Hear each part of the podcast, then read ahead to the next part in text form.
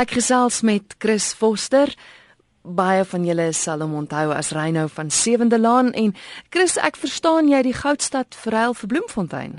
Ja, vir die Rose stad, nee definitief en dit is 'n droom wat waar geword het. Ek wou lankal in Bloemfontein kom bly het. So is jy nou heeltemal daar? Wat doen jy daar? Ja, ek is permanent hier so. Ek uh, is nou 'n dosent by die Universiteit van die Vrystaat. Ek gee film en televisie en ek gaan nog 'n bietjie verder swat en bybindend. Interessant. Nou, die rede hoekom ons gesels is, jy het 'n produksie by Aardklop, een wat jy geskryf het en waarin jy ook speel.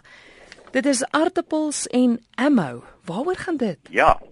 Wel, die die die naam sê vir jou, okay, dit gaan oor um, aartappels en ammo en die aartappels is die kos en die ammo is jou wapens en jou bewapening. Bly gaan oor um, die einde van die wêreld. Die mense wat regmaak vir die einde van die wêreld. Waar kom die idee vandaan? Is jy bang vir die einde van die wêreld? nee, nee, maar wie wat daar is so baie mense met soveel uh eindtyd scenario's en daar's soveel doemprofete en almal verkondig altyd elke keer as daar iets gebeur op die nuus dan is dit o genade hier kom die einde nou en o hier kom die einde nou en is daar jy weet almal ja, elke of jy nou 'n religieuse fanatikus is en of jy nou politikus is en of jy nou jy werk in in biologie en chemie en alsoos goed, dis almal het elke keer 'n eindtyd scenario. So toe dink ek ek gooi sommer 'n klomp van hulle saam en dan kyk ons wat gebeur.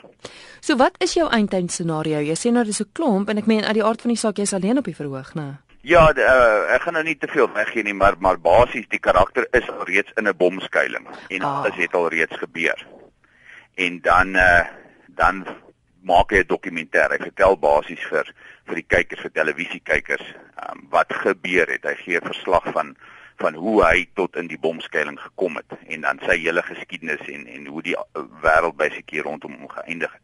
So dis net jy en net daai een karakter wat jy speel.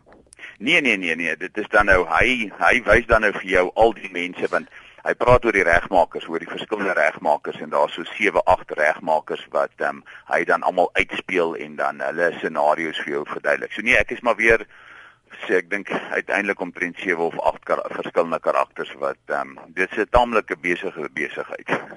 dit bly altyd vir my interessant en ek haal altyd my hoed af vir die akteurs wat wat in een vertoning meer as een karakter speel. Wat is jou grootste uitdagings in terme van om die verskillende karakters te skep? Nee, ek ek dink die die repetisieproses is uiteindelik regtig waar die ergste. Ek ek werk nou baie jare met Marion Holm ook en en met haar karakters en met met met al daai goeie. So uiteindelik vat dit die langste om die regte karakter te kry sodat die karakters ook lekker met mekaar verskil nommer 1, maar nommer 2 ook uit die aard van die saak daai karakter se karaktertrekke weergee. So daai proses wat lank, maar die oomblik wanneer jy dan daai karakter het, dan is dit eintlik verskriklik pret. Mm. Want ehm um, jy word dan regtig waar iemand anders. Ek het nou met met met van die domkoppe en die goedes dan speel hy ook 5, 6, 7 karakters, verskillende karakters en dit is eintlik verskriklik lekker om tussen hulle te spring want um, ek self is maar 'n baie vervelige boring mens, maar die karakters is verskriklik interessant en hulle is altyd taamlik uniek en so aan. So dan is dit eintlik verskriklik lekker om te speel, maar ehm um, die repetisieproses is nogal 'n billetjie. Ja, gepraat van Marion, sy het op 'n stadium aan my genoem waar sy haar karakters kry en dinge waarvoor sy kyk in mense.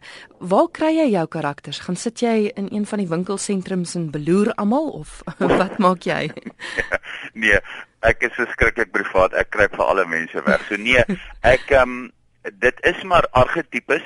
Ek is maar meeste van die tyd is ek maar baie meer satiries. Ehm um, Marion is 'n uh, uh, haar goeie is verskriklik eerlik en ehm um, gewoonlik uit 'n familie of uit 'n ehm uh, ervaring uit. So mense voel regtig daai warmte van mense wat jy ken. Ek werk 'n bietjie meer ehm um, kunsmatig omdat omdat ek meeste van die tyd satiries werk en eintlik ehm uh, nie so besonder mal is oor mense nie. So dan uh, lewer ek kommentaar op op op mense wat my ehm um, wat my nie noodwendig aanstaan nie. Kyk, sepie karakters is soos familie in almal se huis en ek meen jy was vir baie jare was jy Reynou gewees. Daai oorskakeling na ander karakters toe, hoe ervaar mense dit as hulle na jou kom kyk in teaterproduksies? Kyk wat wat het, wat vroeër jare gebeur het is baie mense het die het um, my shows kom kyk oor die sewende laan koneksie en Reyno en al sulke goeders. Mm. Ehm um, baie van hulle dan opgestaan en uitgeloop want ek dink nie dit is noodwendig wat hulle verwag het nie want Reyno verskil hemelsbreed of wat ook al van van uh, die, die karakters en die mense en die en die en die temas wat ek aanspreek in my in my shows. Ja.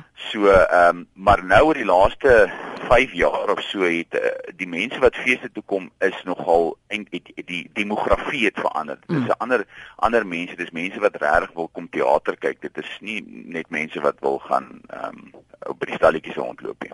So in daai opsig die mense kom kyk my shows want hulle het dit al van tevore gesien en hulle hou van die styl en so aan. So dan is dit eintlik baie lekker. Hulle hulle weet waar waarvoor hulle inlaat. Interessant.